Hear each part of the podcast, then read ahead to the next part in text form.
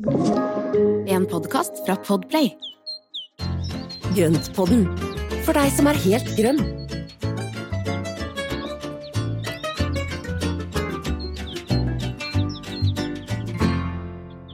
Hallo, alle sammen. Velkommen til enda en utgave av Grønnpodden. Dere, I dag sa Espen han har tenkt at han skal liksom fortelle om eh, frosttørke, eller frostrøyk, som jeg har klart å si det allerede. Man skal fortelle om dette temaet på litt sånn, gjøre det til nesten litt sånn en musical, har jeg følelse av. Det skal være litt, det var litt et kosetema, var det ikke det, Espen? Jo, det skulle være litt hyggelig tema, men det er jo ikke så veldig hyggelig. Vi prøvde jo liksom å selge det litt inn i siste episoden, eller forrige episode.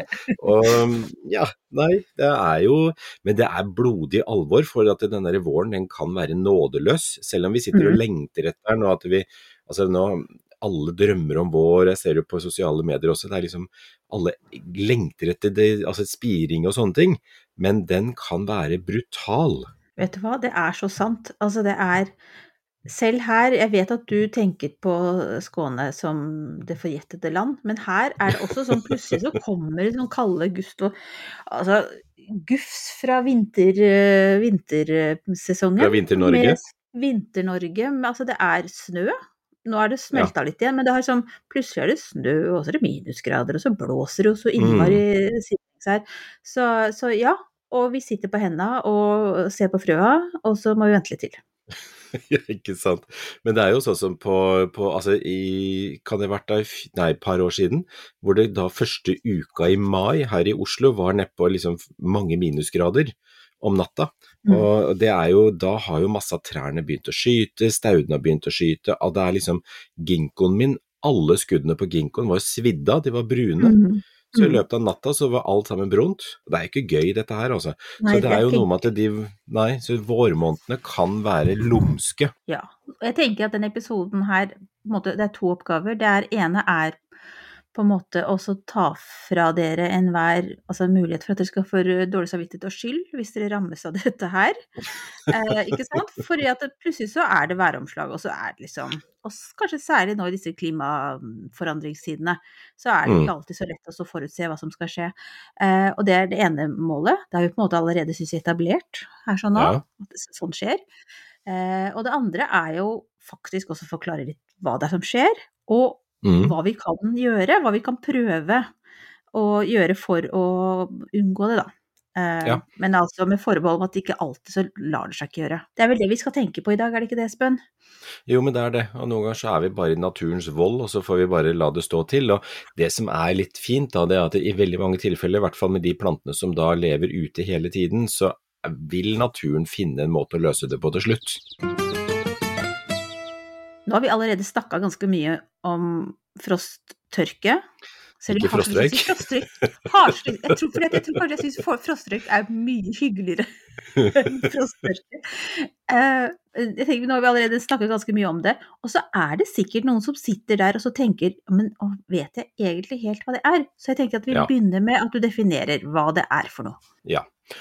Og frosttørke, nå begynner jeg nesten å si frostrøyk også, så, men frost, frosttørke, det er jo egentlig at eh, planter som da er ivrige etter å komme i gang på våren, de varmes opp av vårsola, eh, knoppene begynner å åpne seg, de begynner å skyte, og det samme med de vintergrønne vekstene våre, som da har da en eh, Altså de, de vintergrønne, det er jo alternativet til blader, er jo barnåler, ikke sant? Mm.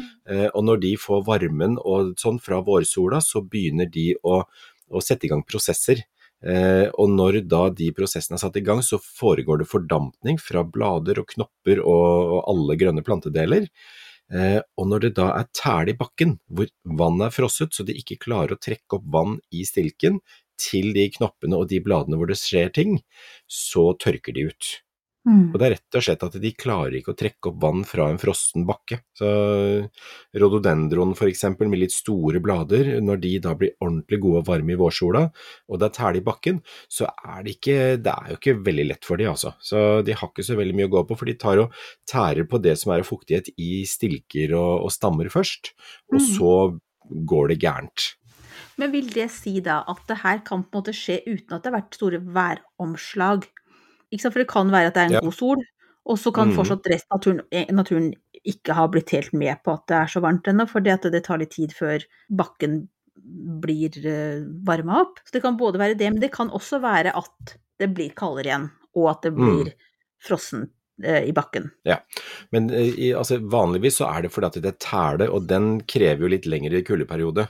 Så det er den tælen som henger igjen etter vinteren som er ofte det største problemet. Fordi eh, når du da først har tint opp bakken, og så kommer det noen frostnetter så det bare fryser i det øverste laget, så er ikke det noe stort problem. Nei, ikke sant. Eh, og det er ikke noe problem for de, de plantene som lever ute året rundt, for de vil jo mm. som regel kunne klare det. Mm. Så det er mer det at da tælene går et stykke ned i bakken, sånn at ikke de klarer å trekke opp i, eh, i de øverste røttene og i den stilken. For da syns jeg nesten egentlig at jeg på en måte geleida dere litt feil inn, jeg. Altså, for det er, når det gjelder frost Ikke røyk. Frosttørke. For det er jo da Mm. egentlig ikke så stort problem litt seinere på våren, men mest nå. Altså Ja. sånn alt etter hvor Mm. langt i, i sesongen man er, altså avhengig av hvor man bor i Norge. Hvor man bor i landet og sånn, ja. Mhm. ja. Så det er mars-april er kjempe Altså når vi kommer i slutten av april, så er jo tælene borte, og da begynner det ting Mm. å skje, og da er det ikke sånn Altså da går det greit. Men det verste perioden er jo nå fra midten av mars og ut april. Eh, Mm. hvor, da, hvor man da ser at det, er, eh, at det, det tar litt lengre tid før tælene blir borte noen steder. og Sånn som her i hagen, så er det jo enkelte steder hvor tælene blir borte seinere fordi det er så mye skygge. Mm. Eh, og at det da det tar lengre tid før bakken tiner opp. Eh, kan vi da si at det er litt systemfeil i naturen? At de burde ha tenkt på noe sånn at plantene skulle ha merka at det fortsatt er, er tæle i bakken? Bakken? Ja, ja, egentlig så er det jo litt det, men samtidig så er det jo noe med at de er ivrige etter å komme i gang, akkurat som oss mennesker. Så er de Ja. ivrige etter å komme i gang med veksten og liksom komme i gang for sesongen, og de blir jo litt lurt, da. Det er jo sånn som vi, ikke sant. Hvis vi da ser at å, nå er det deilig og varmt ute, og så går vi ut i bare T-skjorte, og så er det egentlig ganske sånn derre skarpt i, i, i lufta, i skyggen og sånne ting, og så blir vi forkjøla. Mm. Det er liksom ja, da, vi, tåler, vi tåler ikke, vi heller, sånn altså bli kald på beina og varm på toppen, det er ikke bra for noen det. Så fryser du på beina, så blir du ofte dårlig. ja. Åh, oh, får egentlig bare enda mer sympati for plantene, da. At de er litt Ja. like oss. ikke sant. Men det er jo noe med det at da, da det, er derfor altså vårsola kan være ganske nådeløs, da. Så, så den blir jo svidd. Altså da blir jo Da går den inn, og så tørker den opp, og så svir den av, og så får vi da vintergrønne busker og trær og sånne ting. Da får gule Altså først så blir det veldig matt i fargen, og litt grann senere på våren, når vi kommer ut i mai måned, så blir det gult. Og da kan vi da se at det plutselig så er det da noen grener eller deler av en plante som er gule. Og det Er er, det da ofte liksom da at- Ja. Er det sånn at frosttørke fører til at liksom sesongen er kjørt for en plante? Hvis du har eh, hele planta Jeg hadde jo noen veldig fine sånne skuerosaplanter ute i fjor som jeg glemte å gjøre noen tiltak med, eh, og de døde. For der var det ikke noe mer grønt igjen, så de bare visna helt ned. Ja. Så, men på litt større planter så vil det som regel gå bra. Altså, du kan få en litt sånn rar vekst, fordi du vil jo ødelegge de, altså den delen av planta som kanskje har mest sol. Mm. Eh, og så vil jo andre deler av planta kanskje klare seg fint, og da vil du heller prøve å ja, klippe det bort og justere vekst, eh, veksten i etterkant. Mm. Mm. Og det er altså størst fare egentlig nå de nærmeste månedene fremover. Nærmeste ukene. Nærmeste ukene. Såpass, ja. Ja, ja for månedene nå er vi, vi er jo nå i midten av mars straks, og så, Mhm. eller vi er jo i midten av mars nå. Og, ja. Mm. Og så, og så har vi jo da eh, april måned. Så Ja. sånn som her på Østlandet så er det mars-april. Hos deg så er det ikke noe stort problem, for der er det jo nesten ikke tæle i bakken. Og samme på Nei. Vestlandet og Stavanger-området Ja. hvor, det er, eh, hvor det knapt er tæle, så vil jo ikke dette her være noe stort problem. Nei, jeg er mer redd for rådyrene som driver og ser bort på tulipanene som er på vei oppover. Det Med lengselsfulle blikk. Ja, du vet. Det er liksom Så det Nei da, men de har som da tross alt heldigvis nok andre ting å tyde på også. Sånn. Men jeg tenker på søstera mi, hun bor jo eh, oppe i Gausdal. Der er det jo kjempekaldt og snø fortsatt og sånn. Så der vil det Mm. være mot slutten av april, da, kanskje. Ja, Som det her ja. er et problem. Mm. Og så er det også noe med at hvis det ligger mye snø, så vil jo det også hindre en del tæle. Så hvis snøen kom før den store frosten kom, så vil jo heller ikke frosten gå så dypt i bakken. Mm, Eh, ja. og da vil jo snøen også ligge over, og snøen beskytter jo kjempefint på planter som er også vintergrønne hvis det er lave vekster. Mm. Så Ja. snøen er en veldig fin beskyttelse.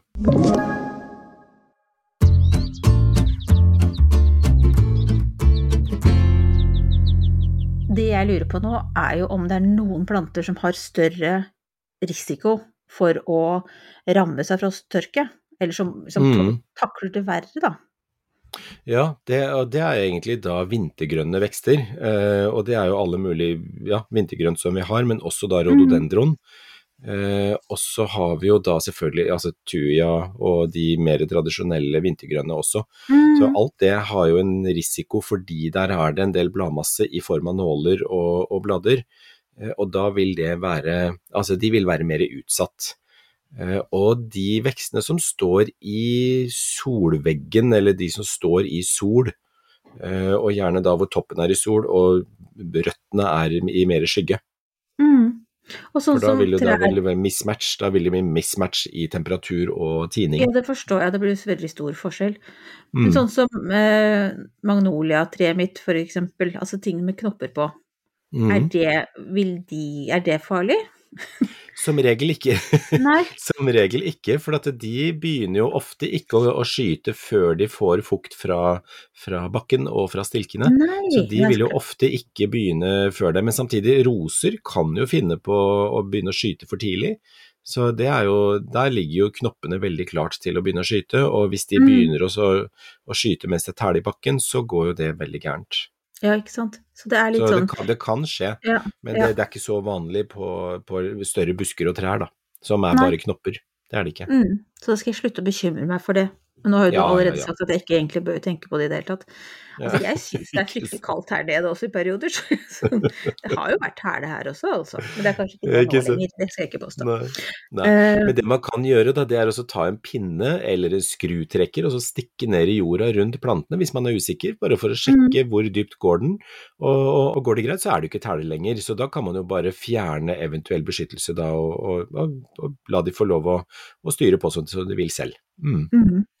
Nå kom du egentlig litt inn på det neste spørsmålet, og det er jo hva kan vi gjøre mot frosttørke?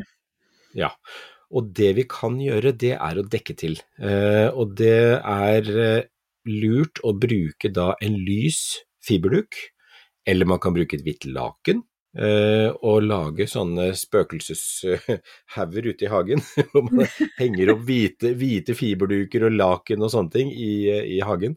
Mhm. Her ser det ut som en sånn spøkelsesleir på, så, på våren, når jeg da både skal herde Beklager, hørte du Siri? Jeg forstår ikke. Hei, Siri spøkelseleir på Sov. Faen altså, Siri. Hun er så blander seg. um, På våren spø- ja, Uh, skal vi se. Ja, her i hagen så ser det ut som en spøkelsesleir når jeg da driver både og skal beskytte vintergrønne planter, og skal da herde de som skal ut for sesongen. Så det flagger jo rundt med hvitt her, og naboene lurer sikkert på hva jeg driver med, men det, det får være. Alt for plantene. Å nei, nå ramler alle, alle, hele klesvasken med laken ned hos Skarphagen, sier hun da. Ja, ikke sant? Ja, ikke sant. Da har han ikke brukt nok klyper. Nemlig. Men det som er lurt, da, det er å bruke det videre. Jeg syns jeg hører det.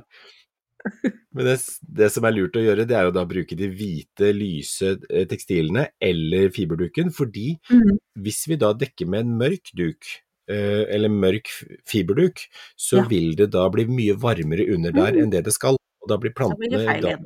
Ja. ja, da blir det feil igjen. Så vi skal holde det kjølig, sånn at de får en langsom oppvåkning.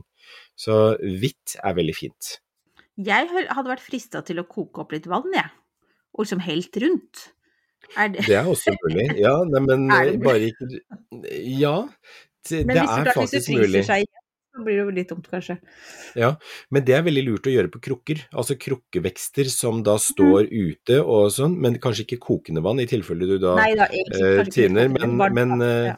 ganske varmt, og så begynne å helle på og begynne å vanne med det for å da få i gang litt grann tining.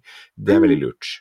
Så øh, absolutt, og i hvert fall når det da er bare snakk om litt frost på natta, og, eller kanskje plussgrader på natta også, så er det det å få da varmt eller lunka vann oppi der, vil jo sørge for at tiningen går fortere, så det er lurt. Mm. Mm.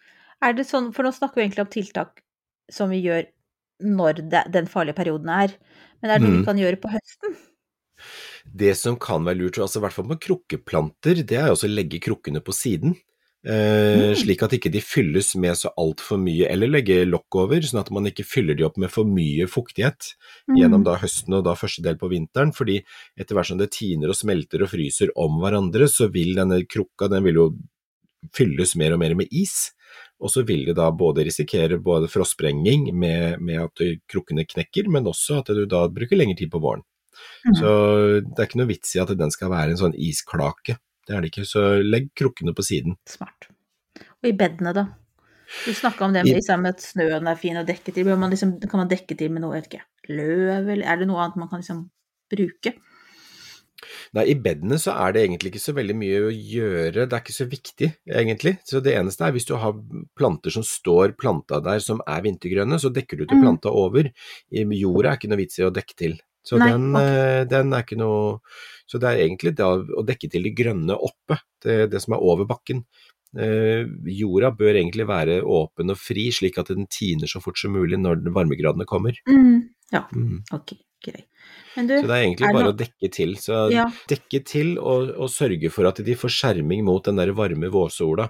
Og jeg har jo en yuccapalme som står her ute i hagen, og den, eh, den er veldig utsatt for frosttørke. Fordi mm. Den har jo da veldig fine blader som er vintergrønne, eh, og når sola kommer på, så svir den av alt sammen hvis ikke jeg pakker den inn. Så den er nå pakka inn for sesongen, eller for våren.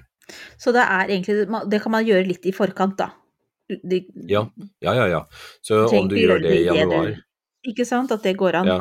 ja. Mm. Og jeg brukte jo da rester fra mm, Rester fra, fra, fra, fra kransebinderiet, hvor jeg da hadde igjen en del bar og litt sånne type ting, som da etter jula. Og så tok jeg da Mm. så satte opp, og så lagde jeg sånn liten tipi til både den og en annen plante her ute, med, med edelgran. Så den står veldig fint og nobelt pakket inn. Det høres fantastisk. Pakket inn i edelgran. Jeg så egentlig for meg at du liksom hadde lagt et stort laken rundt, og så liksom bundet sammen nederst, så ble det som en stor ballong. Ja, det kunne det også vært. Nei, denne er bare kan- pakket godt inn med edelgran, sånn at den er dekket på alle kanter, og da står den Mm. lunt og fint inni der. Og da, det som er også viktig når vi pakker inn, er at det blir luft under, sånn at det ikke blir for tett. For da Mm. blir det jo altså grobunn for råte og så videre, men har vi da en litt luftig innpakking som da skjermer mot sola, så er det det aller beste. Man pakker ikke det i plast, ikke sant? Det bør Nei, være nei. noe naturmateriale. Ja, aldri plast. Striesekk, fiberduk, eh, hvis du har en granbar, eh, alle sånne type ting, veldig fint. Gamle laken. Vil, gamle laken. Og granbare vil jo, det vil jo også da være mer luftig, sånn at da Mm. vil jo ikke det skade plantene. Så naturlige materialer i størst mulig grad. Mm. Ja. Er det noe mer vi skal si om frosttørke? Nei, ikke annet enn at pass på plantene deres, og så sørg for at de får den lille beskyttelsen de trenger når eh, vårsola er som mest brutal.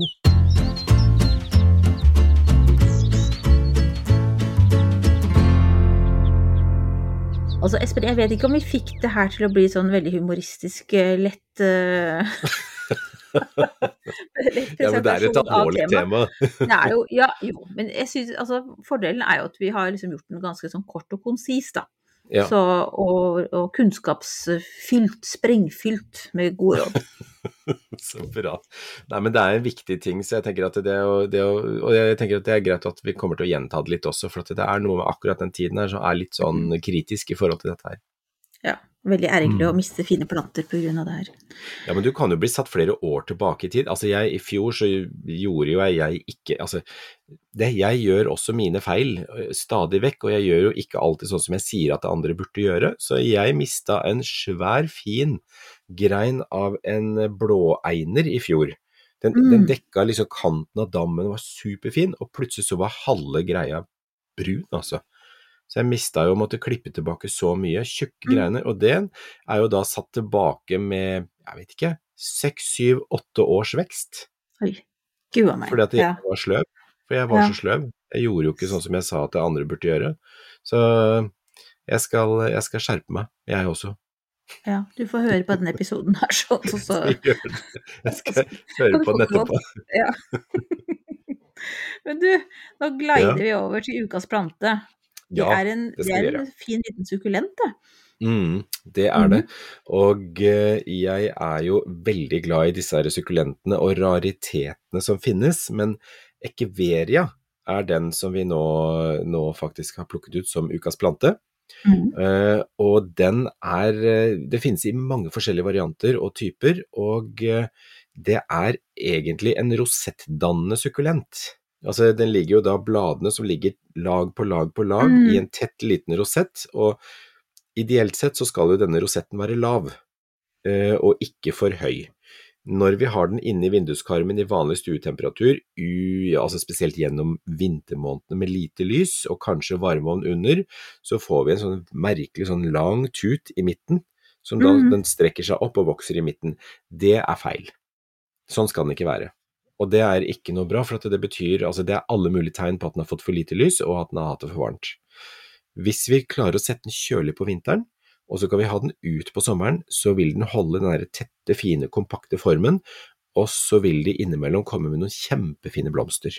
Mm. De er helt nydelige. De er nesten Mm. helt altså, uvirkelig fine, det. Mm. Sånn klokkeforma eh, med en liten sånn vipp på. Har Ja. alle variantene det, eller er det bare den jeg har kost meg å se på bildet?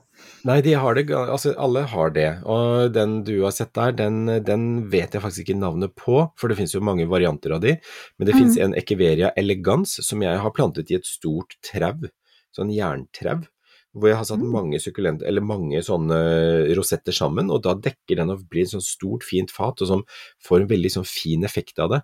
Og den står i vinterhagen på vinteren, kjølig, og så tørt, planta i grus, og så setter jeg den ut på sommeren. Og den blomstrer med litt akkurat de samme stilkene, med de der hengende små klokkene, men da i en Mm. sånn litt gyllen oransjefarge. Åh, Det er kjempefin, altså. Så det finnes, eh, det finnes en del forskjellige typer, og jeg har også en type som heter um, Echeveria nodulosa, og det er en som også blir kalt for Painted Lady, hvor hvert Mhm. eneste blad er, ser ut som er malt med en det er nesten grå blader, og så er det malt med nesten sånn burgunderfarge på bladene. Det er kjempelekker. Lekker. Herlig. Mm. Så det som er veldig gøy med Kiveraen, er at du kan da ta Enten så setter de sideskudd, siderosetter som du kan plukke fra, og så kan du sende det i en ny potte, og vips, så har du en ny plante. Eller så Mm. kan du ta ett eneste blad, så stikker du det forsiktig i jord, holder den lett fuktig i veldrenert jord, så har du ny plante i løpet av ikke så altfor lang tid. For da setter ett eneste lite blad, det setter én, to, kanskje tre nye planter. Så det er kjempefin og enkel å formere. Hvordan får man tak i disse plantene? Jeg har en følelse at det ikke de finnes på hagesenteret overalt. Jo da, de finnes jo. nesten overalt. De finnes til og med i matbutikken noen ganger. De er så enkle å få tak i. Ja, ja. Så det er jo det, veldig mange av disse små rosettdannene er ekeveriaer. Eh, som vi da kjøper som sukkulenter, og noen av de kommer i sånne minipotter, noen kommer i litt større potter, og nei, de er kjempeenkle å få tak i. Og Ja, men så fint, da. Ja. ja, denne nodulosaen, den er ikke så enkel, for den, eh, den, eh, den er litt mer, altså, litt mer raritet og sær. Men Mm. mange av disse andre, og Echeveria elegans, som jeg har en del av, det er den som har helt sånn skinnende grå blader, eh, og holder seg litt sånn rund i formen, kjempelekker, og den er også ganske enkel å få tak i. ja, men Mm. det var godt nytt. Noen ganger så, vet du, så har du litt sånne sære blomster som ikke, eller planter som ikke er så lett å, å finne. Så da ble jeg veldig fornøyd med det. Da syns jeg du var veldig sånn forbrukervennlig. Ja, men så bra. Enkel å få tak i. Ja, Kjempefint. Ja, men du, så bra. Da går vi over til ukas spørsmål. Ja, Og det er eh, en som har hørt på episoden om barotstauder. ja men det er som har et oppfølgingsspørsmål der, som sikkert mm. også mange andre har. Enkelt og greit er spørsmålet kan jeg sette barotstaudene under vekstlys etter at de er kommet i jord? Ja, og det er egentlig veldig smart å gjøre, fordi hvis man da må ha de inne altså, enkelt, altså En del har fått barotstauder allerede nå, og nå er det jo fortsatt minusgrader ute. Da ville jeg ikke ha satt de ut. De Nei. skal jo gjerne plantes og stå kjølig og lyst, eh, men ikke på minusgrader. Eh, Det ville ikke jeg ha gjort, i hvert fall. Eh, Selv om det er stauder som skal tåle det. Så jeg vil, jeg vil ha gjort det, sånn som hun har gjort. og og det at hun har satt de under vekstlys etter planting, det gjør at de da vil få det nødvendige lyset når de begynner å skyte. Men det er viktig å tenke på at dette her ofte er stauder som er vant med kjølig klima, og ikke trives i vanlig romtemperatur, for da vil de Mm. ofte bli svekka i, i både veksten og utsatt for sykdommer og skadedyr. Så sett de så kjølig som mulig, gjerne på mellom fem og ti grader, og tilleggslys med vekstlys, helt supert. Bra. Så da, det er jo hyggelig, da. Da har hun gjort rett. Da har du tenkt Mm. riktig, vet du. Det er bra. Ja, absolutt. Men bare på sørg for at du får senka temperaturen så mye som mulig ned Mhm. mot, eh, ned mot eh, ja, mellom fem og ti grader. Så er det kjempelurt. Og da, når du har lavere temperatur, så har du litt mindre krav til mengde lys. Så da trenger du ikke like Ja. mye lys. Mm. Ja, nei, men, det, men da, Marit Johanne, da har du gjort riktig. For du sa jo også Ja. at du skulle sette dem i kjelleren. Jeg Ja, regner med at det er litt kjølig kjeller. Ja, ja, ja, helt sikkert. Og da, Mhm. ved den der, altså både lys og litt kjølig temperatur, så får vi den der kompakte, fine veksten som gjør at vi får sterke planter å sette ut til sommeren. Bra. Mm. Har du kjøpt deg noen barrotstauder, da? Er det, hva, Nei, holder holder du på med nå?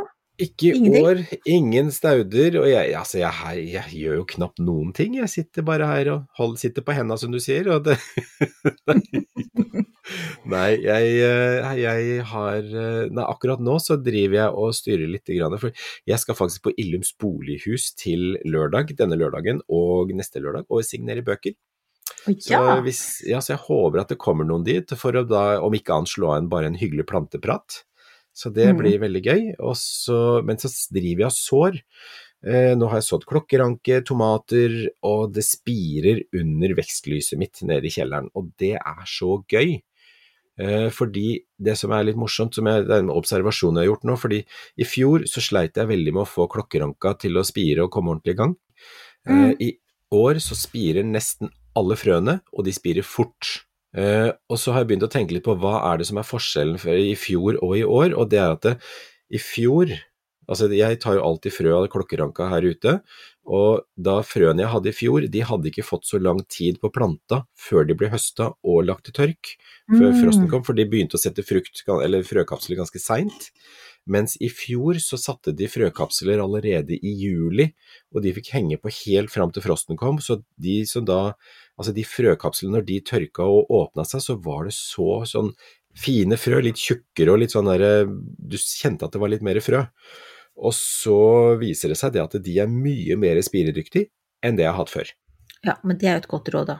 Selv om det er langt til vi skal begynne å sanke frø igjen. Mm. Ja, Husk på det at men- prøv å la dem modne så godt som mulig. Men så klart, det avhenger jo også av sesongen, hvordan været er Ja, sommer til sommer. Mm. Ja, men det er altså igjen, alltid la frøkapslene henge på så lenge som mulig, for å da la frøene modnes på mest mulig naturlig måte. Det Mm. gir best spireevne. Så kjempegøy. Så det er en liten sånn læring, og gøy å se det i praksis. Mm, Så det er gøy. Men du da, Marianne, hva gjør du? Har du begynt å Du, du har jo den der agurkgardina di, og du har jo satt i gang mye, du. Ja, og så må jeg si at vi har jo noen smågnagere, la oss kalle det mus, for jeg vet ikke helt hva Nei. det er, men eh, som altså har vært på besøk og så spist spist av eh, veldig mange av eh, blodbegerspirene mine. Nei, Jo. er det sant? Mm, Men, men, hva, ja, men hvor er kattepusa? Gjør den ikke jobben sin? Du, kattepus ligger og sover godt, kan du si. Så det er, jeg vet ikke det- jakt- er han lat? Ja, Nei, altså, ja, nei, altså det, akkurat det er litt komplisert, men jeg, får si sånn, jeg har en sterk følelse av at eh, katten vår ikke er den mest sånn Altså, han vil bare kose han. Han, altså, han er ikke Ja. leken engang. Han er bare sånn. Det er så koselig. Så det er Nei. Nei, men så, så okay. Men også nå har vi altså Denne helgen som har vært, så har vi da brukt masse tid på å sikre på kjøkkenet mot uh, ubudne gjester, så nå tror jeg ikke det skal skje igjen. Men Ja. den hadde da tatt Jeg har redda én som den ikke har vært bortpå, så den står Ja. på badet. Og så hadde den også jafsa med seg litt av eh, agurkgardina mi. Uh, men heldigvis dager. ikke ja, dustedyr.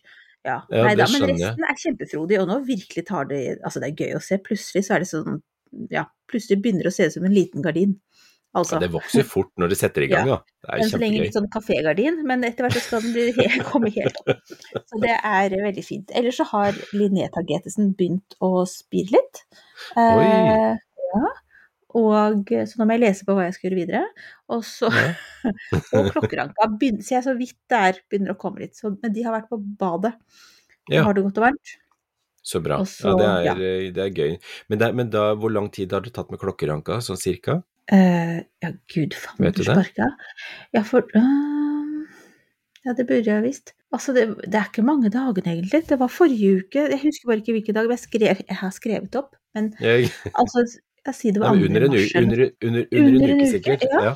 Det, Men det er samme her. den- Fire dager så begynte, de å se, begynte jeg å se at det rører seg. Ja, På sju ja. dager så står det ferdig med frøblader og alt sammen. Det har ikke fått så hurtig spiring før på de noen gang. Nei, så gøy, det, jo de altså. samme, det er jo samme frø, eh, frøporsjonen som du har fått. Ja, ikke sant. Ja, nei, så det her er helt supert. Ja, uh, ellers så har jeg sett at eh, Cecilia Wingård er disclaimer fra forrige episode. Jeg sa at det var 12. mars som man Mm. skulle begynne å frø, eller så eh, erteblomster. Uh, for det var da i uke 12. Uke tolv, ja, da er, vi i, da er vi jo i slutten av mars, da. Ja, Er eller i hvert fall ikke, det er ikke akkurat nå. Eh, Nei, liksom. Uke Så, tolv. Nei, men det er så vi får se. Skal jeg sitte på henda, eller skal jeg gjøre noe? Nei, nå er vi altså i uke 11, så det er neste uke, da. Så Ja, det er det er jo ikke før, liksom. Ja. Så, men men eh, jeg syns det var så fint, men, og egentlig litt teit å bare ha en dato, men jeg likte liksom 12. mars veldig godt. Ja, ikke sant. Så, Men jeg tenker at det er lurt å vente litt for lenge enn, altså, enn å ta det for tidlig, for at det er noe med å sitte da med svære planter og håndtere det inne, hvis man ikke har noe sted å gjøre av de. Fordi eh, det er ikke alltid like enkelt å få det til, altså, så men eh, ja, jeg skal, eh, jeg skal se litt på gradestokken. En annen ting jeg skal gjøre, det er jo også å fyre opp i drivhuset. Nå har jeg tenkt meg, nå er det meldt litt mindre minusgrader. Altså litt varmere dager, ikke så kaldt om natta, så da blir det ikke så mye fyr på denne lille, lille vifteovnen. Og så tenker jeg det også bare få liksom tømt det, rydda det, vaska det, og så få satt i gang. Det tenker jeg, det er tida. Mm, Jeg gleder meg til. deilig. Gud a meg, så hyggelig. Ja, da vet vi hvor vi har deg Da kommer jeg til å være der. Og så- eh, så mye som og mulig. vasker og ja. Mm. Mm. Men jeg gjorde en liten smart ting i høst, og det var å plante noen eh, tulipaner i Jeg har jo sånn opphøyd bed i drivhuset, og da langs med bakveggen, altså bak der hvor tomatene skal stå og sånne ting, så satte jeg ned noe tulipanløk. Så jeg tror at det kommer opp eh, tulipanløk ganske tidlig i drivhuset, så da har jeg litt å høste og putte i vaser og sånne ting, Mm, eh, mens jeg venter på det ute. Mm. Ja, herlig. Ja, det er sånn noe med Nå må innrømme at jeg nå begynner å bli litt lei tulipaner i butikk. Ja. Og gleder meg veldig til tulipaner som kommer hjemmedyrka. Ja, Det er liksom snålt. Altså, det er liksom samme, det er samme planta, men det er liksom kjenner at det ene er jeg litt lei, og det andre gleder jeg meg veldig til. Men det er noe med at Ja, nå er det si at en del av de er litt sånn du vet, små i blomsterhodene, og det er liksom Mm. varierende hva som kommer i butikken syns jeg. Ja, Nei, vi har jo, jeg synes jo det, ja, vi hadde tulipaner nå nylig, og de var veldig fine. Vi dyrker jo, altså alle, nesten alle tulipanene i Norge, de dyrkes jo i Norge, eh, som vi har her, så de dyrkes jo lokalt i eh, Norge.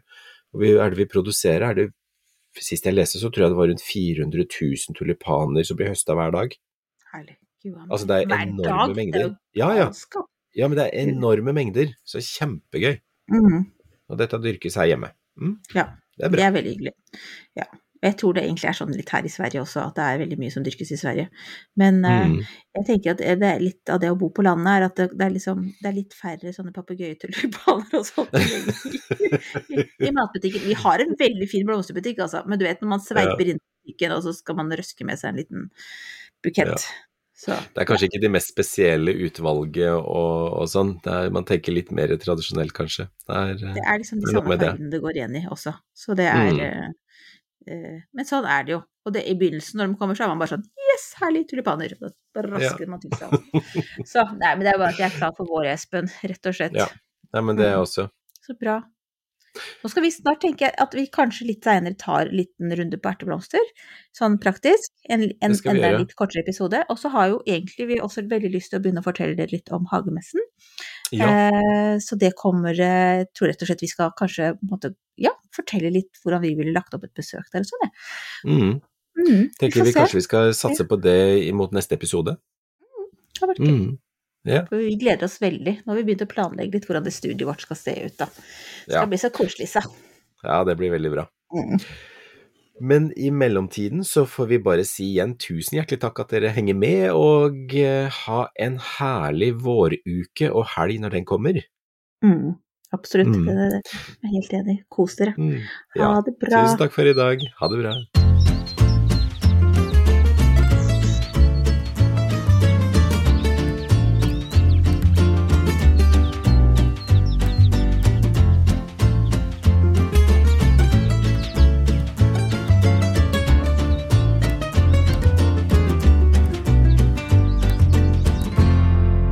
Hørt en podkast fra Podplay. En enklere måte å høre podkast på. Last ned appen Podplay, eller se podplay.no.